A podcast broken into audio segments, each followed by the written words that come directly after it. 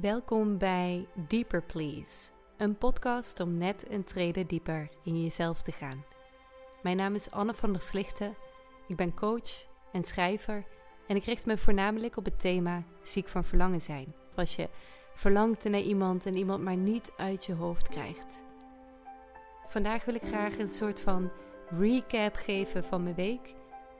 Wat was het onderliggende thema van de mensen die ik mocht begeleiden? En dat was teleurstelling.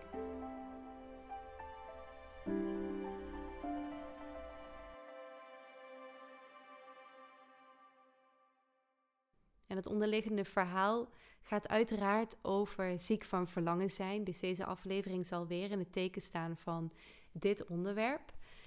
En ziek van verlangen zijn is heel kort gezegd wanneer we bijvoorbeeld al getrouwd zijn of in een relatie zitten en we zijn verliefd geworden op iemand anders en we kunnen iemand maar niet uit ons hoofd krijgen.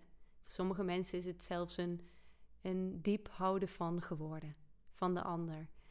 En geen keuze kunnen maken tussen uh, bij je eigen gezin blijven, voor sommigen, of je eigen partner. En uh, niet weten of je naar de ander wil gaan. Of voor de ander wil gaan en een ander leven.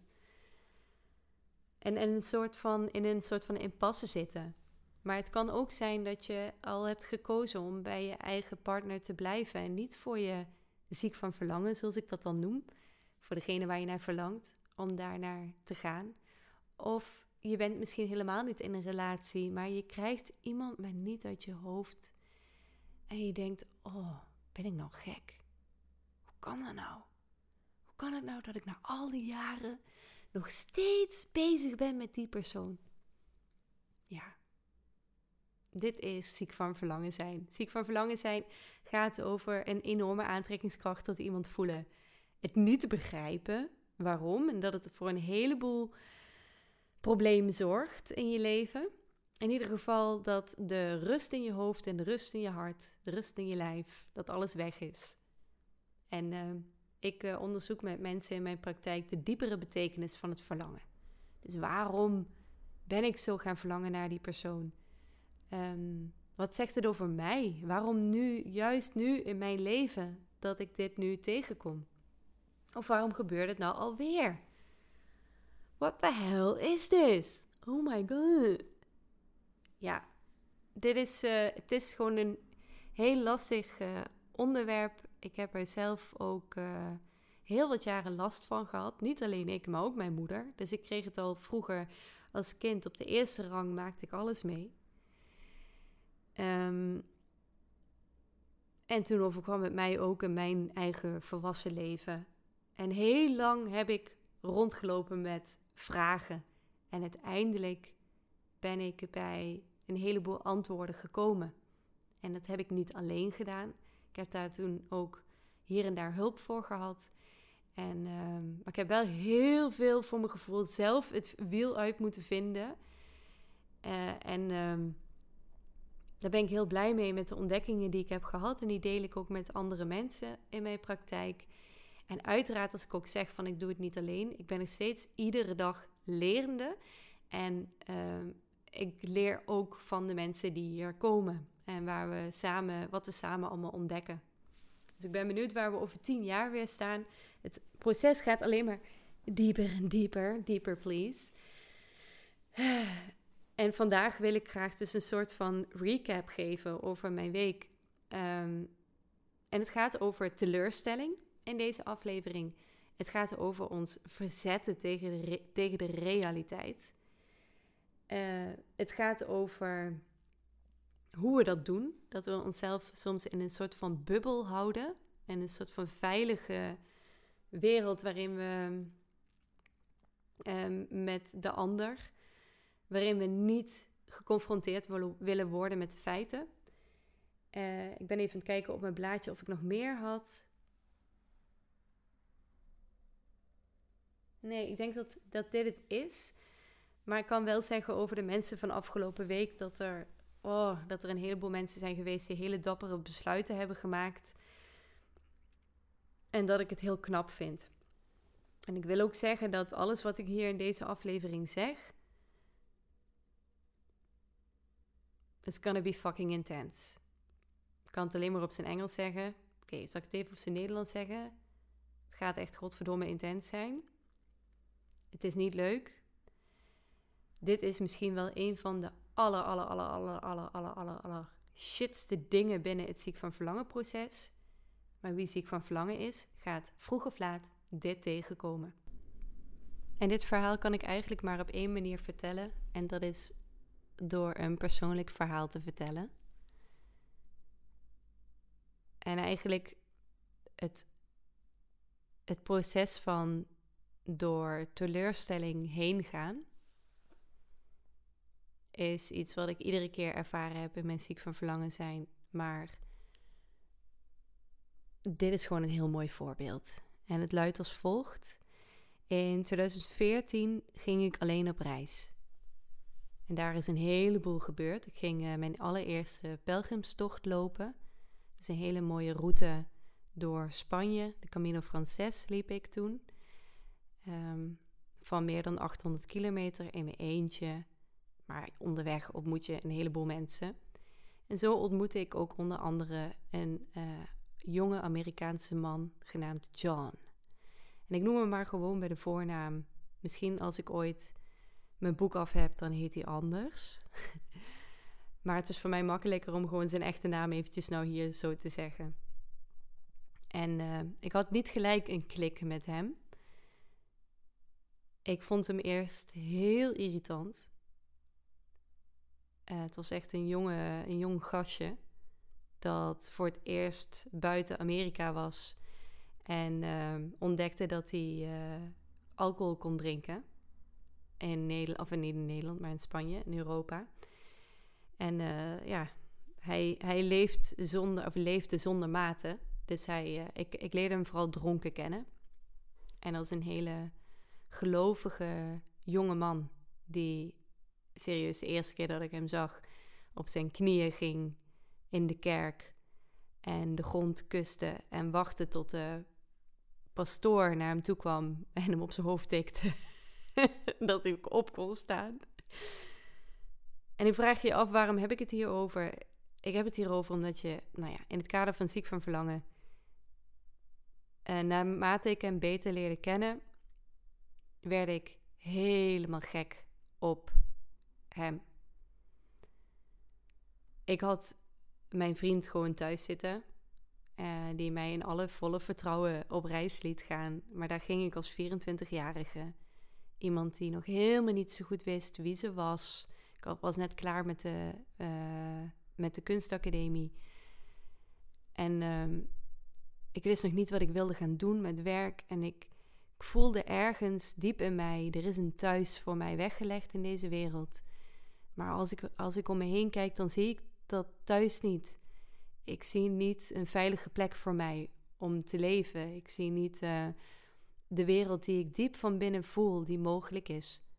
En daarom ben ik alleen op reis gegaan om even goed na te denken. En zo'n pelgrimstocht leent zich daar uitstekend voor. Ik denk mensen die dit luisteren en een keer zo'n tocht hebben gedaan, die weten precies wat ik bedoel. Of als je wel eens een boek erover hebt gelezen.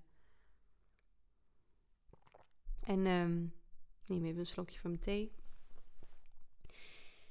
Ja, ik, ik, ik ervoer werkelijk de hemel op een gegeven moment met John. Want wij hadden een enorme klik en hij herinnerde mij aan eigenlijk al mijn mooie kanten. Hij adoreerde me als, ja, wat ik zeg, hij leefde zonder mate, uh, zonder maat. Hij, hij hield echt van mij. En ik hield van hem maar meer op een vriendschappelijke manier. Want ik zag al gauw dat hij niet een man is om mee te willen trouwen. Hij was ook een stuk jonger. Ik dacht daar niet aan. Ik dacht alleen aan: ik wil jou voor de rest van mijn leven heel dicht bij me hebben. En alleen maar wetende dat jij bestaat, maakt mijn leven een stuk draaglijker. En John en ik hebben uh, bijna een maand met elkaar doorgebracht. Waar we enorm hebben gelachen, de mooiste gesprekken hebben gevoerd, steeds dichter en dichter tot elkaar groeiden. En er is een heleboel ook gebeurd dat niet zo leuk is. Maar waar het op neerkomt was, dat gevoel dat ik voor hem voor altijd in zijn. of ik wilde hem voor altijd in mijn leven hebben. Ik kwam er gewoon geen. wetende gewoon dat hij er. Dat hij op deze wereld bestaat. Hoe kan ik. en dat wat wij twee samen hebben, hoe kan ik dat ooit niet meer willen in mijn leven? Ik voelde me zo, zo, zo diep gezien. Op een manier zoals misschien alleen mijn moeder mij ooit zag. Uh, en altijd mij heeft aangemoedigd in, uh, in alles wat ik doe. Um, beide ouders wel, moet ik zeggen. Papa en mama. maar ja, daar was ineens iemand van buitenaf, een Amerikaan ook. Dus hartstikke spannend, een andere taal. Uh, en op de dag dat we afscheid van elkaar namen, zei ik nog: Ik wil zo graag contact met je blijven houden. En je voelt hem misschien al aankomen. En hij zei: Dat gaat niet gebeuren. Ik wil het wel, maar jij gaat, mij, jij gaat geen contact meer met mij opnemen. En ik dacht: Wat is dit nou? Tuurlijk wel. Ik uh, ga zodra ik thuis ben, ga ik alweer opnieuw sparen en dan kom ik naar je toe in Amerika. Ik, uh, ik, voor mijn gevoel was ik al gewoon met hem vriendschappelijk getrouwd. Ik denk, dit is de beste, mijn beste vriend voor de rest van mijn leven. Hiermee zal ik alles delen. Behalve dan uiteindelijk een gezin en zo. Want dat voelde ik wel heel helder. Uh, later ben ik, wat ik ben gaan voelen met hem, uh, een amoureu, amoureuze vriendschap gaan noemen. Dus iemand die je wel heel dicht bij je in je leven wil hebben, maar niet waarmee je uh, seksueel of uh, ja, kindjes. Gewoon de hele. Alles, boosje, alles bompje, huisje, beestje, dat idee. Maar wel een nabijheid hebt die heel erg lijkt op een levenspartner. En in spirituele begrippen zou je kunnen zeggen dat hij een tweelingziel was van me. Uh, maar zulke, ik heb gemerkt dat ik, dat ik, ik hou niet zo van eh, spreken in zulke begrippen, omdat ik merk dat dat uh, alleen maar verwarring brengt in mijn eigen leven en heeft gebracht. En alleen maar de wanhoop in mij heeft vergroot in plaats van dat ik rustiger van binnen werd. En ik zie ook dat dat begrippen zijn die kan je nooit toetsen, die kan je niet meten. Dus daar hebben we heel weinig aan hier op aarde. Het is misschien leuk als je eenmaal dood bent en dan dan weet ik veel dat een groter iets zegt. Hé, hey, ja, jullie waren elkaars tweelingziel. Maar je kan er weinig mee. Want je hebt altijd te doen met de realiteit. En wat was mijn realiteit? In het begin hebben we contact gehouden. Heel trouw. Gingen we skypen, dat was toen de tijd. We stuurden elkaar wel mailtjes, sms'jes. Maar op een gegeven moment werd het contact van zijn kant minder. Hij reageerde minder vaak.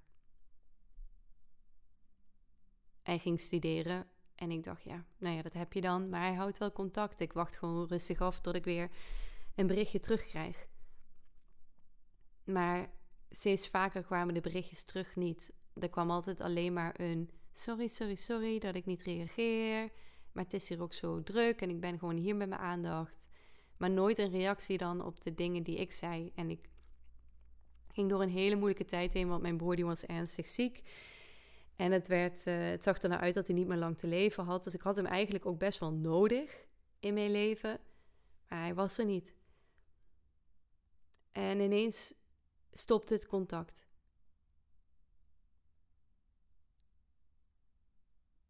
En ik denk, wat is dit? Waarom reageert hij nou echt al een paar maanden niet meer? Is dit dan ghosten? is dit dan wat ze zeggen dat je ja, dat de een heeft besloten om uit het contact te gaan zonder daar iets van over te zeggen naar een ander, tegen een ander.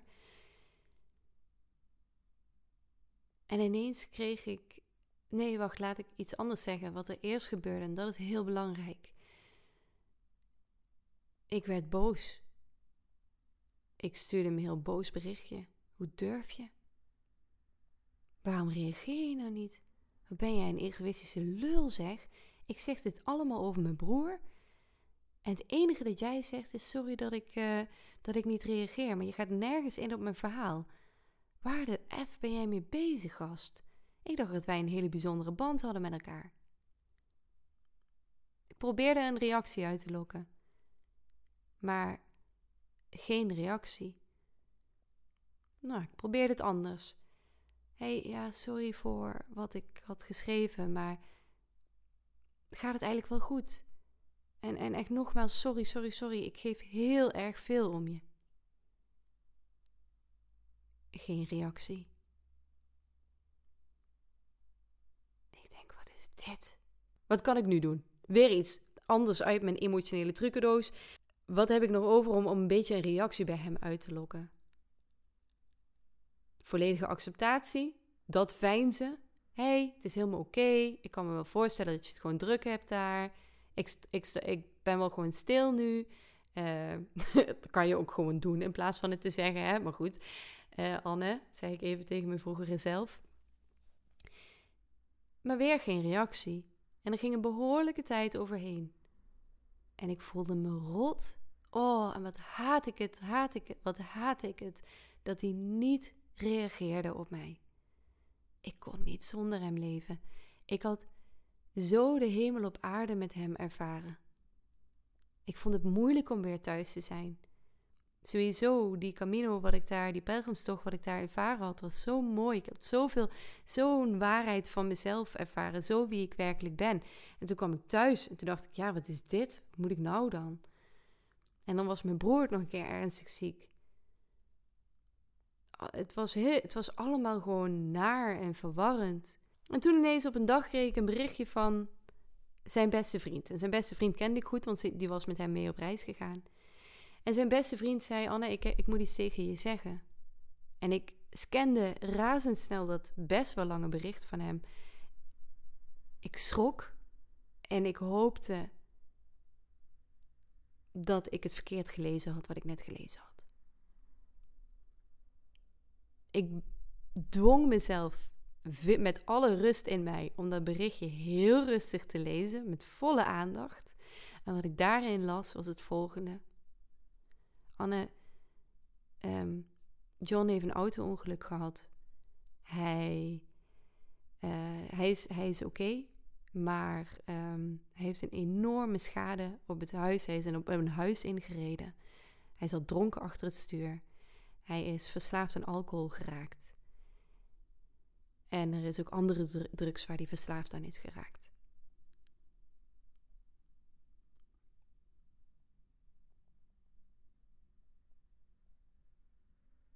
Shit, dacht ik.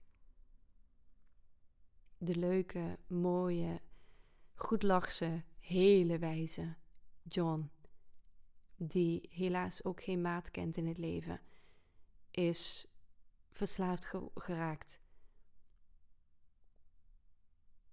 Dus daarom reageerde hij niet.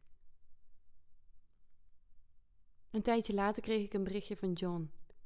Oh nee, ik moet naar een, uh, een uh, afkeerkliniek en ik wil niet. Mag ik naar Nederland komen? ik denk, wat is dit nou? Die reageert de hele tijd niet. Dan krijg ik zo'n berichtje. Dikke doei. Nog een paar van zulke berichtjes kreeg ik. Er ging wat tijd overheen. Hij ging een kliniek in, afkeerkliniek. Hij ging er eentje uit.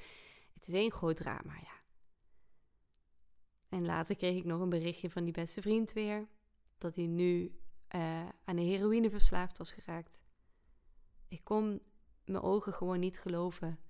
Ik was behoorlijk geschrokken en verdrietig dat, dat het zo af moest lopen. En uiteindelijk heb ik nog een bericht gekregen van hem dat zijn moeder hem, dankjewel moeder van John, uh, naar een afkeerkliniek ergens hoog in de bergen wilde sturen. Waar geen contact met de buitenwereld is voor een aantal jaar.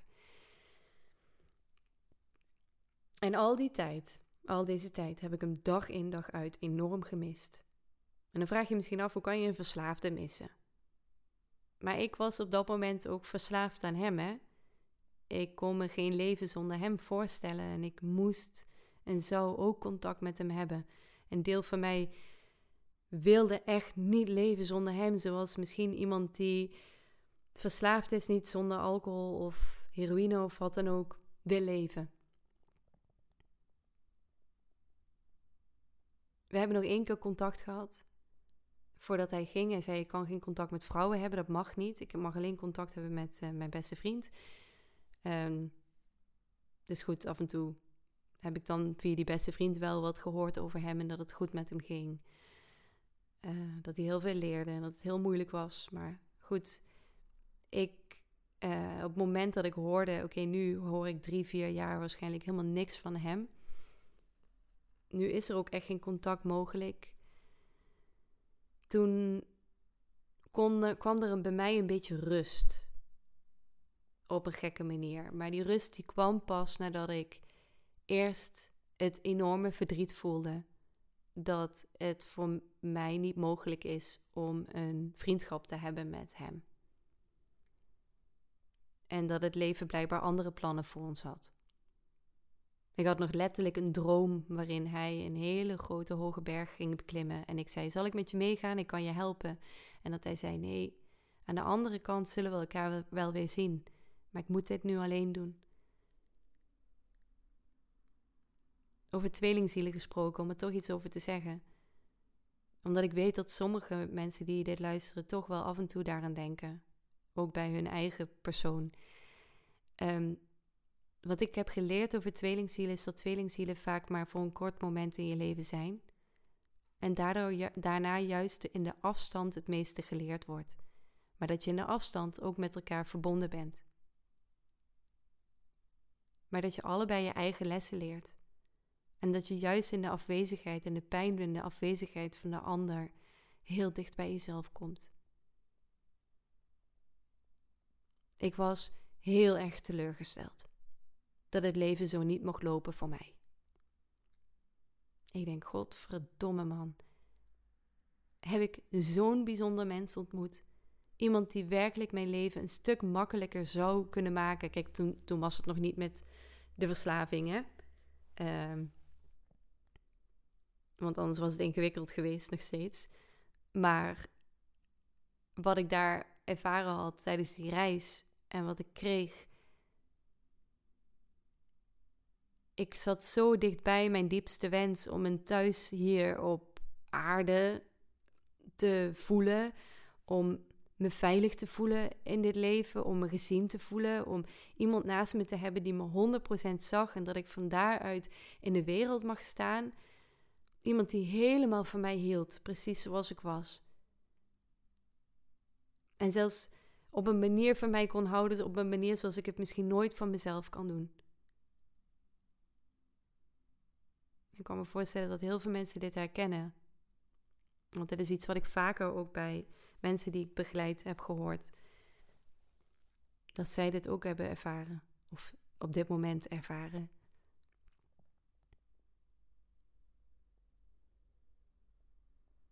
Maar ik was zo verdrietig. Ik was zo boos op de wereld, zo boos op een God als hij al bestaat, zo boos op de liefde. Gewoon op het leven. Hoe durf je leven? Me zoiets moois te geven en het daarna weer van me af te nemen? Wat de fuck is dit? Kom op. En het interessante is dat dit, ja, dat ik daarna in de teleurstelling kwam en hem zo erg miste, maar ook wist: ik moet, moet je los gaan laten, John. Want mijn eigen leven leidt eronder. Ik kan niet meer echt zien wat ik heb hier in mijn eigen leven. Ik kan me herinneren dat ik toen net verhuisd was naar het huis waar we nu wonen. En we waren alles uit aan het pakken en ik was een dag alleen. En ik keek naar het prachtige nieuwe huis waar we in woonden en ik zag alle spullen. En ik denk, uh, ik was echt, ik was mijn praktijk in aan het richten. Ik denk, wauw, dan heb ik gewoon eindelijk een eigen praktijk. Ik hoef niet meer alles online te doen. Maar ik kan gewoon mensen hier uh, ontvangen. En um, ik kon er gewoon niet van genieten, want mijn hart lag daar, was daar. En ik had alleen maar pijn. En ik was alleen maar boos en ik verzette me alleen maar. Maar in dat moment, toen ik dus een dag alleen was, keek ik op een gegeven moment naar buiten en ik zag de koeien buiten staan. En Ik zag in de verte de, de heuvels van Duitsland, want wij wonen vrij dicht bij Duitsland. En daar veranderde iets in dat moment en ineens hoorde ik een stem in mezelf spreken. En ik sprak hardop, er was niemand in de buurt, dus dat kon ik makkelijk doen. En die stem in mij zei: Hey Anne, ik weet dat je je verzet, hè, maar wat is nu het meeste waar? Wat is de realiteit? En ik dacht, waar komt die stem vandaan? Maar ik herkende het ook wel. Ik wist dat dat de stem was van mijn eigen wijsheid. En ik beantwoordde gelijk die vraag. En ik zei, ja, wat nu het meeste waar is, is dat hij, John, ergens in de bergen zit en dat ik hier zit. En dat het leven voor ons besloten heeft dat dit hem niet gaat worden. Voorlopig niet.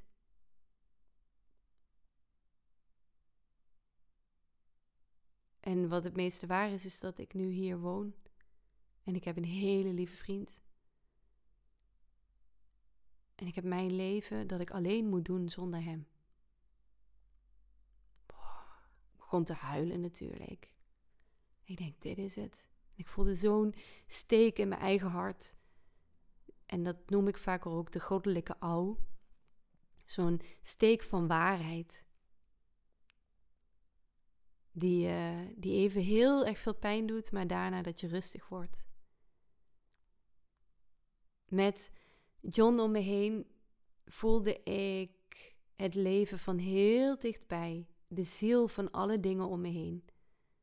Alles, alle kleuren kleurden sterker. Alle geuren geurden sterker. Alle geluiden klonken helderder. Alles wat ik voelde was duidelijker.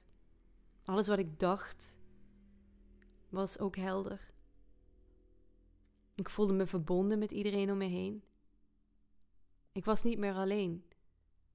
Maar daar in dat moment was ik. Bij dat besef, ik ben zonder hem en dit gaat het zijn. Um, was ik helemaal alleen. En ik wist ook instinctief gezien dat dit het is, deze pijn, die achter mijn enorme verlangen en ook wel de verslaving in mijn verlangen zat. Zo bang zijn voor dat alleen zijn met mij. Zo bang zijn voor de confrontatie met wat mijn leven nu is. Zo bang zijn voor de afwezigheid van een verbinding zoals ik die heb met John. Ik liep naar beneden. Ik trok mijn wandelschoenen aan. Ik stapte de deur uit. En buiten hoorde ik de vogeltjes om me heen fluiten. Ik zag een drol op straat en ik moest erom lachen. En ik keek om me heen. En alles in mij viel stil. Het was alsof ik voor het eerst in maanden tijd niet meer met mijn gedachten mijn leven probeerde te veranderen. Of in een, een of andere gekke strijd was in berichtjes sturen naar John. En willen dat hij wel reageerde en willen dat hij veranderde.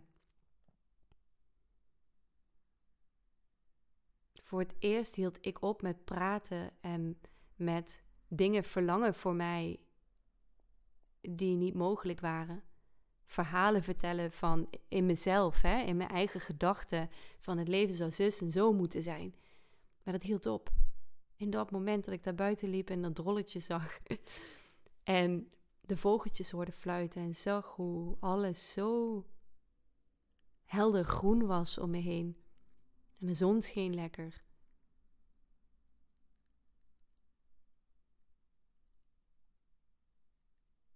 Niet langer sprak ik tegen het leven hoe het leven moest zijn, maar was alles stil in mij en sprak het leven naar mij. Met: hey, dit ben ik, Anne. Dit is wat jouw leven is. Niet langer verlangde ik dat het leven op een bepaalde manier was, maar hoorde ik de stem van het leven verlangen naar mij.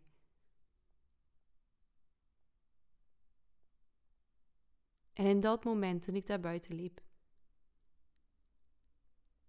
was ik ineens samen met alle dingen om me heen. En voelde ik de ziel van alle dingen om me heen.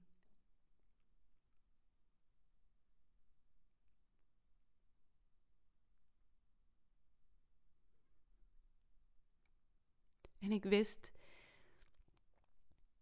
dat dat precies was wat het verlangen in John hè, ook was. Wat ik van hem kreeg, zat al lang in mij. Maar hij moest weggaan. Wilde ik dat kunnen realiseren? Dat het al die tijd ikzelf was. Dat de schoonheid van wie hij is. En alles hoe hij me liet voelen dat dat werkelijk mij was.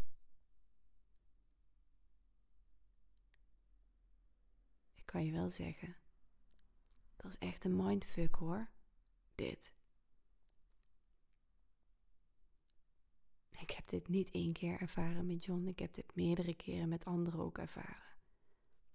steeds gebeurde hetzelfde. Ik verlangde naar iets en dan liep het leven weer zo dat het helemaal niet mogelijk was. En dan kwam ik heel dicht bij mij daarna. En steeds was ik eerst in verzet. Eerst voelde het heerlijk. Daarna glipte het uit mijn eigen handen, door mijn vingers heen. Glipte het weer weg, dat heerlijke fijne gevoel wat ik met de ander deelde. En dan ging ik me verzetten en probeerde ik de realiteit te veranderen. Toen kwam de teleurstelling steeds weer. Oh, dat is het niet. Het gaat het niet worden. Maar dan ben ik weer alleen. En dan ben ik weer geconfronteerd met die pijn. En daarna kwam ik weer heel dicht bij mezelf. ik vind het bizar. Heel verdrietig dat het tot nu toe eventjes ook zo moest gaan in mijn leven. Maar ik heb er wel heel veel van geleerd. En ik zie ook bij andere mensen dat heel veel mensen bij mij komen als ze in die fase van verzet zitten. En van alles proberen om de realiteit te veranderen. Of om zichzelf veilig te stellen. Om maar niet te hoeven zien wat werkelijk waar is. Ik wil daar een voorbeeldje in geven. En als je voelt na dit eerste verhaal dat ik heb verteld over John, dat je even wil stoppen met luisteren, stop gerust, hè? Oké, hoe ga ik dit zeggen? Hoe ik kijk naar het verlangen naar iemand en de aantrekkingskracht dat iemand, en daar heb ik het ook in andere afleveringen over, is dat we beginnen te verlangen naar iemand en ook hevig beginnen te verlangen naar iemand op momenten dat de ander iets laat zien uh, wat wij ook in onszelf hebben, maar wat we bij onszelf niet kunnen zien. En wat heel mooi is en wat alle aandacht verdient. Of tussen jou en de ander ontstaat iets wat graag meer in je leven wil zijn. Er kan bijvoorbeeld meer zachtheid zijn. Of een enorme liefde voor de natuur. Een gedeelde liefde voor de natuur en het klimaat bijvoorbeeld. Of voor fysiek bezig zijn, het lichaam. Tuinieren. het kan uh, zijn dat je dat de ander laat zien dat je ook iemand bent buiten je werk, bijvoorbeeld. En dat je daarin ook van alles mag doen en kan doen. Buiten de bestaande rollen die je al hebt, als ouder zijn van kinderen bijvoorbeeld. Maar dat je ook recht hebt op een eigen leven met eigen interesses. Het kan van alles zijn wat de ander al laat zien, wat jij zo aantrekkelijk vindt. Of meer creativiteit in je leven bijvoorbeeld. Um,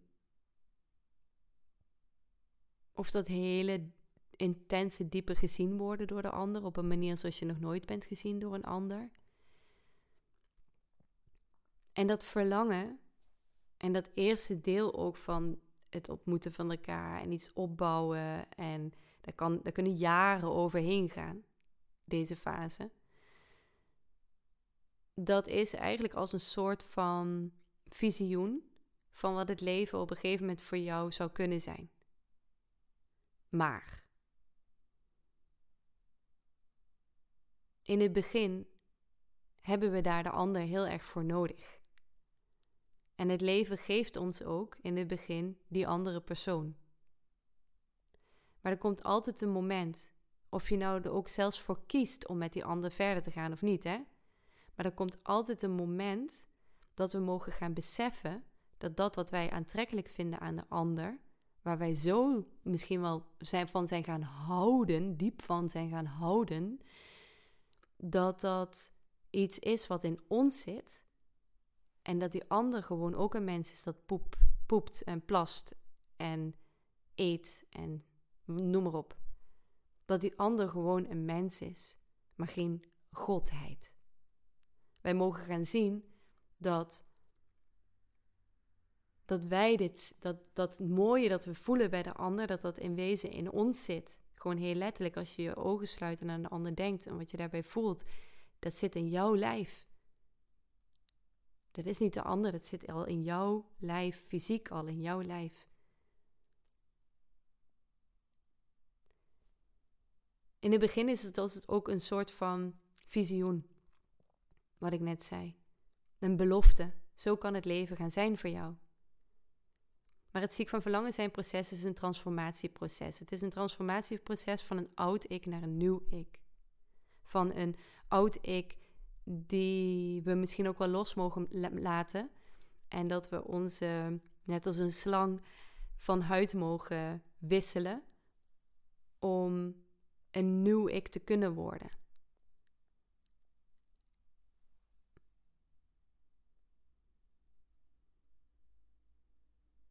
En het verlangen is heel sterk naar de ander, omdat we ergens al voelen in onszelf dat wat daar gebeurt tussen jou en de ander en hetgene waar je zo naar verlangt, of waar, je zo van houdt en wat je bij de ander ziet, dat dat op de een of andere manier een beetje ver weg is. De ander is heel nabij, maar voor sommigen, maar de afstand van hoe je leven werkelijk is en dat wat je met die ander ervaart, die is heel groot. De afstand tussen je oude ik die je misschien thuis nog leeft en met je vrienden en familie en noem maar op, en de persoon die je wordt en bent als je met die ander bent, die afstand is soms kilometers groot. Er zit een hele lange loopbrug binnen met een hele diepe afgrond daar beneden. Om uiteindelijk te komen waar je mag zijn. Klinkt een beetje vaag. Maar ik weet dat een paar zinnen helder waren, dus ik hou hem erin. Oké. In de eerste fase zijn we eigenlijk een beetje als het ware al helemaal met die nieuwe ik samen. En dat is heerlijk. Maar dan in de volgende fase mogen we gaan leren dat we het alleen ook kunnen doen. Niet langer staat het verlangen en de aantrekkingskracht alleen maar in dienst van de ander, maar mag het in dienst gaan staan van onszelf. De pijl van het verlangen is niet meer op de ander gericht, maar de pijl van het verlangen is op onszelf gericht en penetreert ons heel diep op een hele pijnlijke manier.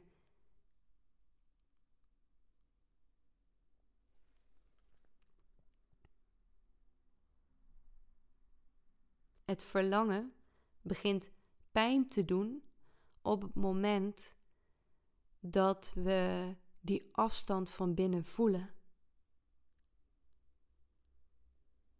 Dat we weten, ik ben nog heel erg ver weg van huis om te zijn de persoon te zijn die ik word bij die andere persoon. Die ik ben bij die andere persoon.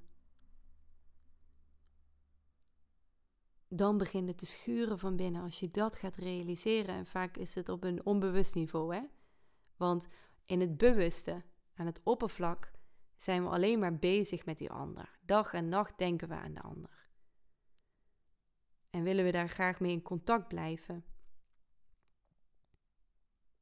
En balen we misschien ervan als je in zo'n situatie zit zoals ik toen met John, dat het niet mogelijk is. En ben ik alleen maar boos op het leven dat het, er niet, dat het niet mogelijk is. Ben ik in een soort van rouw zelfs. Maar nog niet eens de rouw zijn niet begonnen, want dan, ik had het in de eerste tijd, jaren, erkende ik het niet eens. Ik was alleen maar gefrustreerd.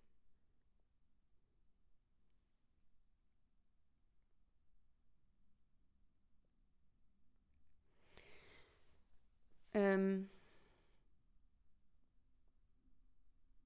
Dus in die eerste fase is het als een soort van visioen. En is het, zegt het verlangen eigenlijk werkelijk, en dat snappen we niet met ons verstand, maar dat is meer vanuit de mystiek bekeken, zegt het hier mag je naartoe. Maar we mogen er wel een bepaalde weg voor afleggen. En die weg die gaat zo luiden dat je het nu helemaal, helemaal, gaat, helemaal mag gaan ervaren. Maar straks mag je gaan, komt er een moment dat je mag gaan uitvogelen hoe je dit zelf zelfstandig gaat doen. En daarvoor is een tijdelijke afstand nodig, op wat voor manier dan ook. Helemaal of veel minder contact om even helemaal geconfronteerd te worden met jezelf. Nu heb ik gezien bij mezelf en bij een heleboel mensen dat het moment van verzetten voordat de realisatie komt dat dit een moment is geworden dat we het even alleen moeten gaan doen, dat daar iets, dat in dat verzet, dat het verzet er op verschillende manieren uit kan zien. En een van die manieren is dat uh, we de bubbel toepassen. En wat bedoel ik daarmee? um, ik moet een beetje lachen, want ik moet heel erg mijn best doen om dit allemaal heel duidelijk te formuleren. Want het is een heel groot verhaal. En ik vind het soms makkelijker om hierover te schrijven dan, hierover dan om hierover te vertellen. En ik vind het ook veel makkelijker om hierover te vertellen als ik iemand voor me heb zitten en het gewoon heel specifiek over iemand gaat. Oké, dan ga ik eventjes terugdenken aan de bubbel. En ik, ik heb meerdere mensen afgelopen week gesproken die de bubbel toepasten of hebben toegepast. En what is the bubble? Well, the bubble is. De bubbel is dat we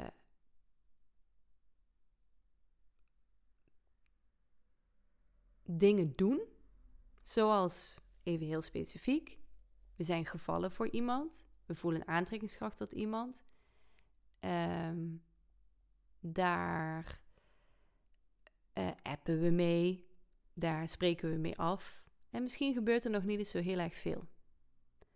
Maar we zeggen het niet tegen onze partner, we zeggen het niet tegen een goede vriend bijvoorbeeld, met wie we altijd praten. Uh, we, we houden dit een beetje geheim voor andere mensen. En dat bedoel ik met de bubbel. Dat we iets niet zeggen tegen mensen die eigenlijk wel recht erop hebben dat ze dit weten. Om daarmee de bubbel in stand te houden en een beetje de romantiek in stand te houden en de illusie ook in stand te houden. De illusie van ik ben eigenlijk met helemaal iets bezig wat eigenlijk helemaal niet zo heel erg is. We weten wel dat als we bijvoorbeeld tegen onze partner zeggen: hey, ik heb gevoelens voor Jantje, dat onze partner boos wordt. En dat we ineens moeten stoppen met het contact. Misschien zelfs. Maar we willen nog even niet. De bubbel is ook bijvoorbeeld dat we het niet zeggen tegen onze ouders. Dat je altijd alles aan je ouders vertelt en ineens dit vertel je dan weer niet. Omdat je bang bent voor de reactie. Dit is het toepassen van de bubbel. dus je weet ergens wat ik aan het doen ben, strookt niet helemaal met mijn normen en waarden, van die ik eigenlijk altijd gehad heb. heb. En ik weet ook voor de mensen om me heen niet. Maar als ik het niet zeg, is er eigenlijk toch niks aan de hand. dit kan mij heel even goed gaan. Nou, voor sommige mensen kan het misschien wel jaren goed gaan. Maar er zit altijd een eindmoment aan dit gedeelte. Want op een gegeven moment gaat het wringen in ons. Het kan zijn ook dat iemand erachter komt, maar het gaat niet meer lekker voelen. Ineens merken we: hé, hey, volgens mij klopt het toch niet helemaal wat ik aan het doen ben. Ook als je bijvoorbeeld een affaire hebt en dat je het heel erg gescheiden houdt van je eigen leven en op een gegeven moment een soort van dubbel leven aan het leiden bent. En het kan heel vermoeiend zijn ook om dit te doen. In het begin kan je niet anders. Maar er komt altijd een moment dat je denkt: Oh, ik ben er helemaal klaar mee. Wat een geregel is dit. Jezus, Mina. Oh. En dan wil de realiteit en het leven wil heel graag dat je de bubbel gaat doorprikken. En als je dat gaat doen, dan is dat misschien heel erg eng. Maar daarmee geef je wel de werkelijke diepere betekenis van het verlangen een kans om met jou te werken, om jou ook echt daadwerkelijk te transformeren naar de persoon die je bedoeld bent te worden. Zolang we de bubbel in stand houden, houden we ook op een bepaalde manier de transformatie tegen. Want wat transformatie nodig heeft, is dat we eerlijk durven te zijn naar onszelf.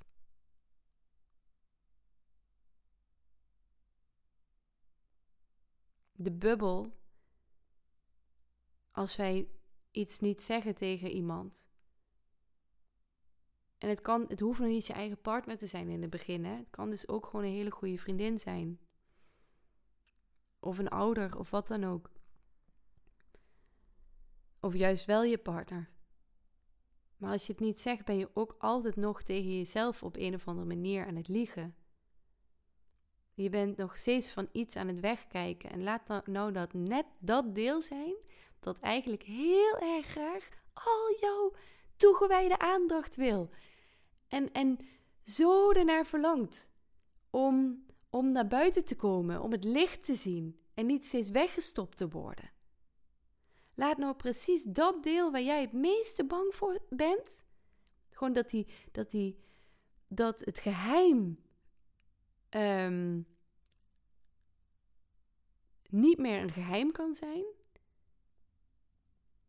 En alles wat daarin gebeurt, dus dat iemand hartstikke boos wordt en misschien wel iemand van je weggaat, of dat mensen allemaal hele lelijke dingen over je zeggen en het totaal niet begrijpen, laat nou precies dat zijn wat nodig is om naar de diepere betekenis van het verlangen te gaan. En ja, dit is hardcore. Dit is hardcore rock'n'roll spiritualiteit. Dit is geen alleen maar licht en liefde. Dit is niet good vibes only. Dat is dit niet. Dit is het leven bij de ballen grijpen. Dit is echt zien waar je mee bezig bent. Met alle liefde die je in je hebt, want je bent een schatje. Maar zien dat door een geheim te houden, of, of de bubbel in stand te houden, je daarmee ook jezelf tot stilstand brengt. Als het begint te jeuken, die bubbel en het hele proces, en dat je het idee hebt, waar sta ik stil, dan is het heel vaak, waar, waarin ben ik nog niet eerlijk? Wat zeg ik eigenlijk nog niet tegen mijn partner? Wat houd ik nog geheim? Geheimen die, die zorgen voor stagnatie in het proces. En dat betekent wel dat je je eigen hart mag gaan breken.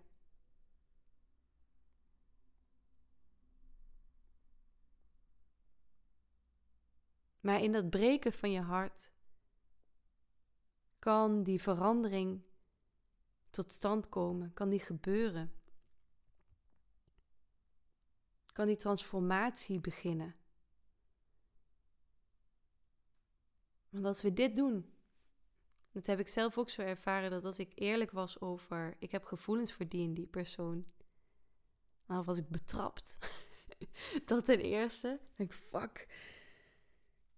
Maar dan zag ik ook wat het met mijn partner deed.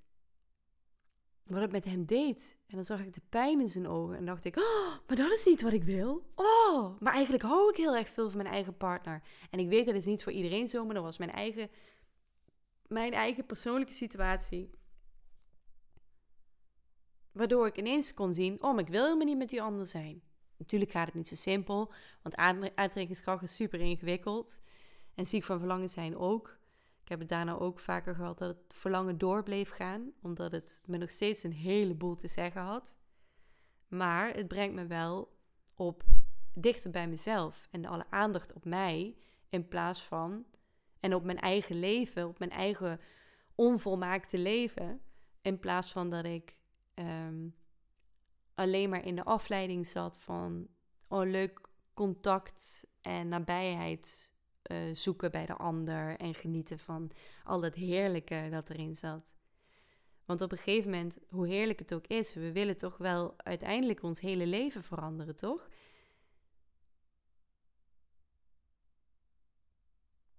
Zou ik denken. Want wat nou, dat is een vraag die ik vaker aan mensen stel. Wat nou als die andere persoon voor altijd in je leven zou zijn? En dan zou er geen complicaties zijn. Er is niks ingewikkelds allemaal aan. Maar die andere persoon die is gewoon altijd lekker dicht bij je. Dus in mijn geval toen met John was het dus John. Hoe zou mijn leven veranderen?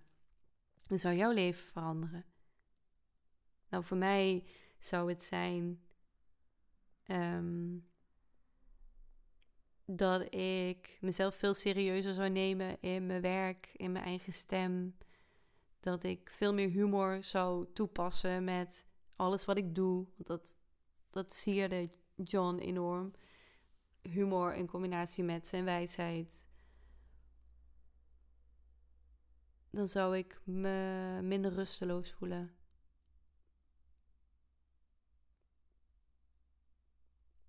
Maar het ding is dat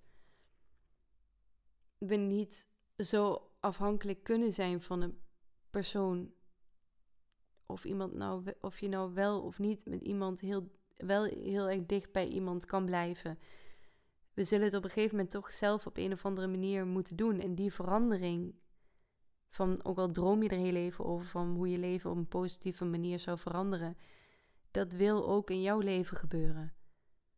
Mijn leven is in ieder geval heel erg veranderd na dat moment van die teleurstelling. En sowieso sinds ik John heb leren kennen. Eigenlijk hoe ik mezelf hier serieus in neem in mijn werk, is echt dankzij die tijd die ik met hem heb doorgebracht.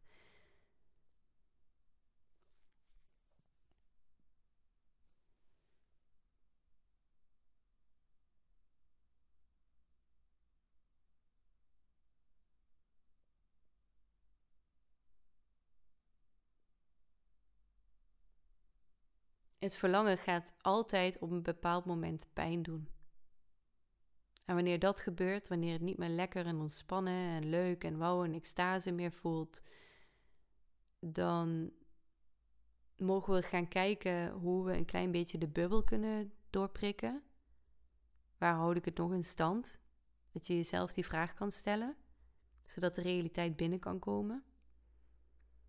Of dan betekent het dat je bepaalde keuzes mag maken die heel erg moeilijk gaan zijn. Ik ken meerdere mensen die bijvoorbeeld verliefd zijn geworden op een collega en heel erg van hun werk hielden, maar weg moesten gaan.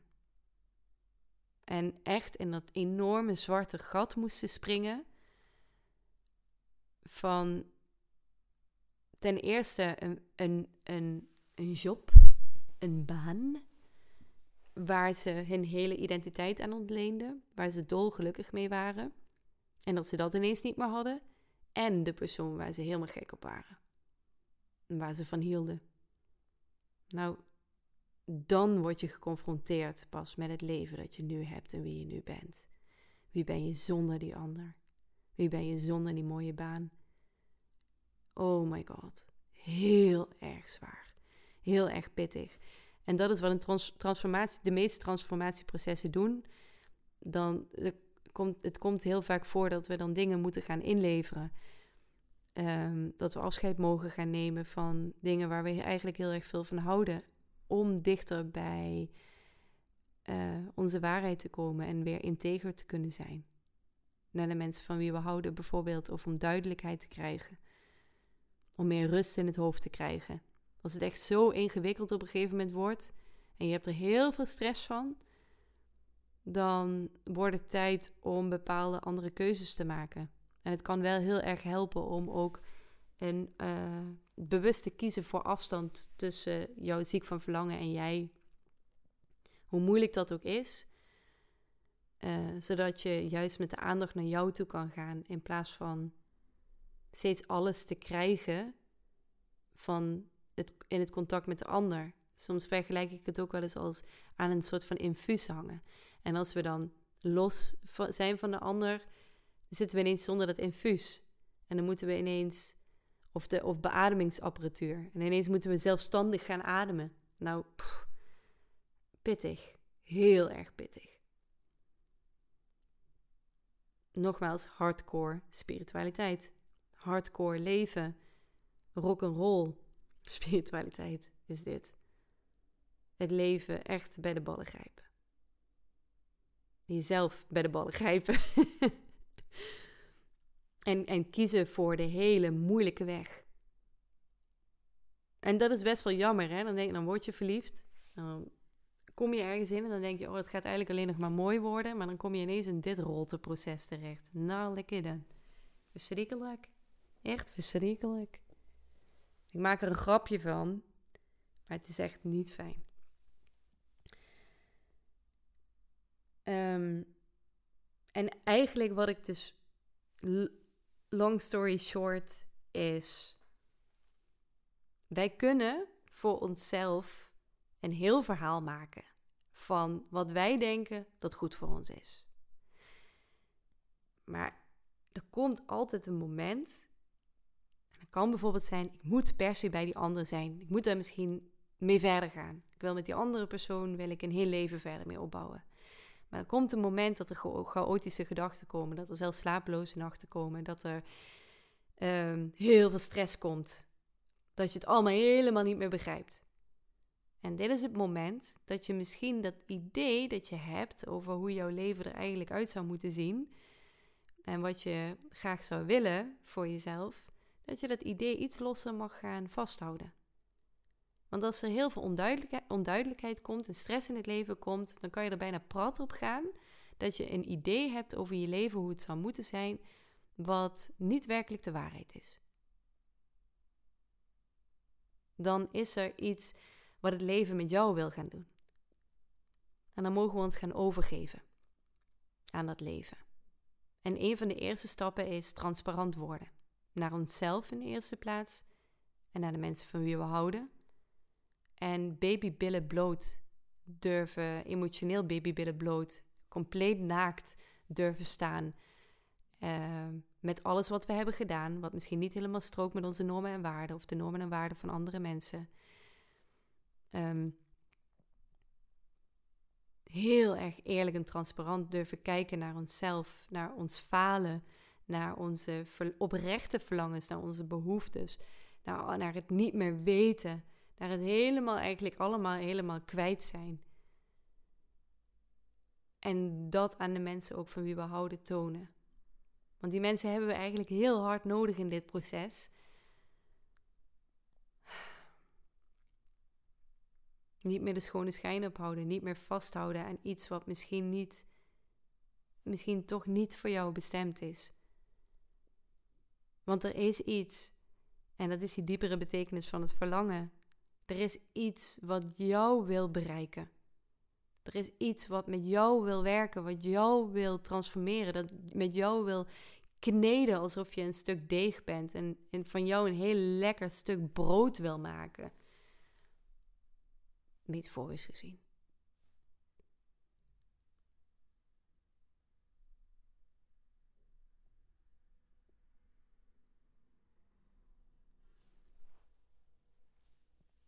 En nogmaals, dit is mijn waarheid, hè? Het wil niet zeggen dat dit de waarheid is. Het kan zijn dat het voor jou heel anders loopt. Hou altijd vast ook aan je eigen beleving en jouw eigen waarheid. Wat ik zeg is alleen maar een, een deurtje waarin je, als je daarin gaat, hele interessante dingen kan ervaren voor jezelf.